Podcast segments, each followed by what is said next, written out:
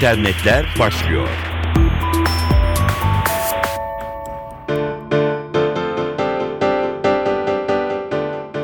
Merhaba, dijital dünyadan gelişmeleri aktaracağız. Facebook, İran'da yasaklı siteler listesinde yer almasına rağmen kullanıcılardan büyük ilgi görüyor. Anti-filtreleme yazılımları sayesinde yasağı aşan kullanıcılar Facebook'a yazı ve fotoğraflarını yükleyebiliyorlar. Siyasi konulardan uzak durulduğu ve edebiyat, şiir gibi nispeten daha zararsız alanlardan içeriye yer verildiği sürece de Facebook üyeliği ve anti-filtreleme yazılımlardan ötürü İranlı kullanıcılar herhangi bir soruşturma ya da tatbikata uğramıyorlar. İran yönetimi Facebook'u şeytan icadı ve batılı yozlaşmanın örneği olarak değerlendiriyor. Ancak tüm bunlara rağmen son haber İranlıları fena kızdırdı. İranlı dini lider Ayetullah Ali Hamenei kendi ülkesinde yasak olan Facebook'a üye oldu. Doçavelle'nin haberine göre resmi hesaba ilk yüklenen fotoğraflar Hamanei'nin İran İslam devriminin lideri Ayetullah Ruhullah Humeyni ile birlikte gösteriyor. Ayrıca Hamenei'nin yaptığı konuşmalardan da görüntülere yer veriliyor. Hamenei'nin İran yönetimince şeytan icadı olarak görülen Facebook'ta hesap açması İranlı internet kullanıcıları arasında hiddetli tartışmalara yol açtı sosyal medyada da. Üyeliğin ardından bir hafta geçmeden Hamenei'nin sayfasını beğenenlerin sayısı 15 bini aşarken sayfaya eklenen eleştiri ve hakaret içeren çok sayıda yorumsa silindi.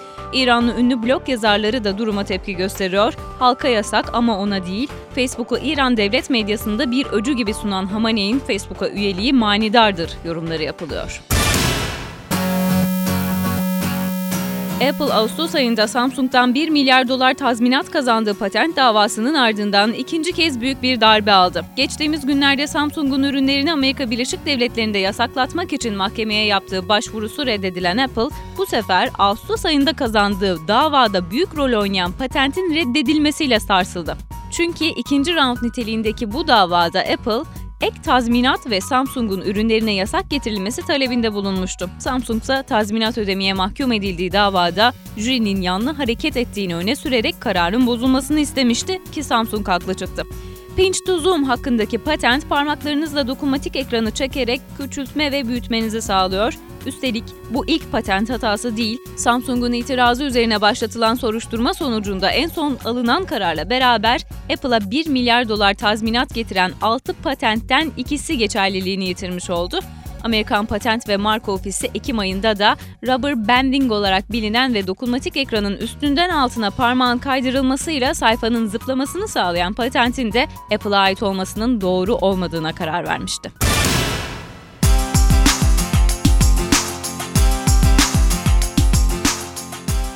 İki devin savaşı ile ilgili bir başka haber yine Amerika Birleşik Devletleri'nden bir yargıç Samsung'un akıllı telefonların satışının durdurulmasını isteyen Apple'ı reddetti. Satışın durdurulması talebiyle açılan yeni davada yargıç patent ihlalinin Apple'ın Amerika Birleşik Devletleri'ndeki satışlarına sekte vurduğuna dair yeterli kanıt olmadığını belirtti. Hakim Lucy Ko, burada söz konusu olan telefonlarda pek çok özellik var ve bunlardan yalnızca küçük bir kısmı Apple'ın patentli malı dedi. Bazı özellikleri tek elinde tutmak Apple'ın yararına olsa da bu envai çeşit özelliğin yanı sıra özel birkaç fonksiyonu da barındıran ürünlerin piyasadan tamamen kaldırılması gerektiği anlamına gelmiyor dedi. Apple, Ekim ayında da Samsung'un Galaxy Nexus telefonuyla Galaxy Tab 10.0 tablet bilgisayarının satışını yasaklama çabasında başarısız olmuştu. Geçen ay ise Google'ın fahiş fiyatlı patentlerinden şikayetçi olduğu dava düşmüştü. Danışmanlık şirketi Frost Sullivan'dan Manoj Menon ise Apple, milyar dolarlık tazminat davasını kazanmasından doğan ivmeyi kaybetmiş görünüyor diyor. Zaytung bu kez de Diyanet İşleri Başkanlığı'nı faka bastırdı.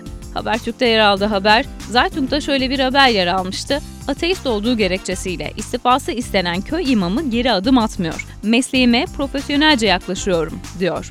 Bu başlıklı haber diyanethaber.com.tr internet sitesinin tepkisini çekti.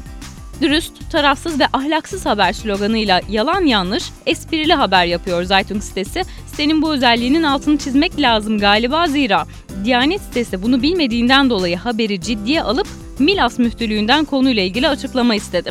Diyanet yetkilileri Zaytun haberinin doğru olmadığı sonucuna varmalarının ardındansa bir yalanlama yayınladılar. Müftülüğün haberin tamamen yalan olduğu, Milas'ta Ortaca isminde bir köy olmadığı ve Milas müftülüğünde de Seyfi Çalışkan isminde bir görevlinin olmadığı şeklindeki açıklaması internet sitelerinde yer aldı.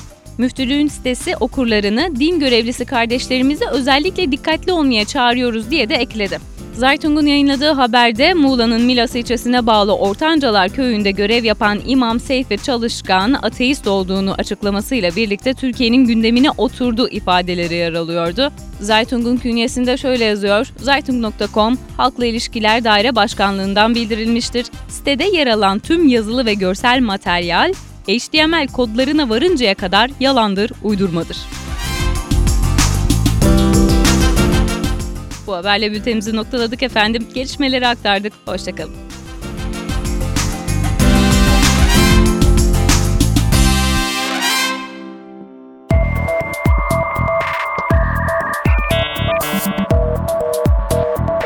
İnternetler sona erdi.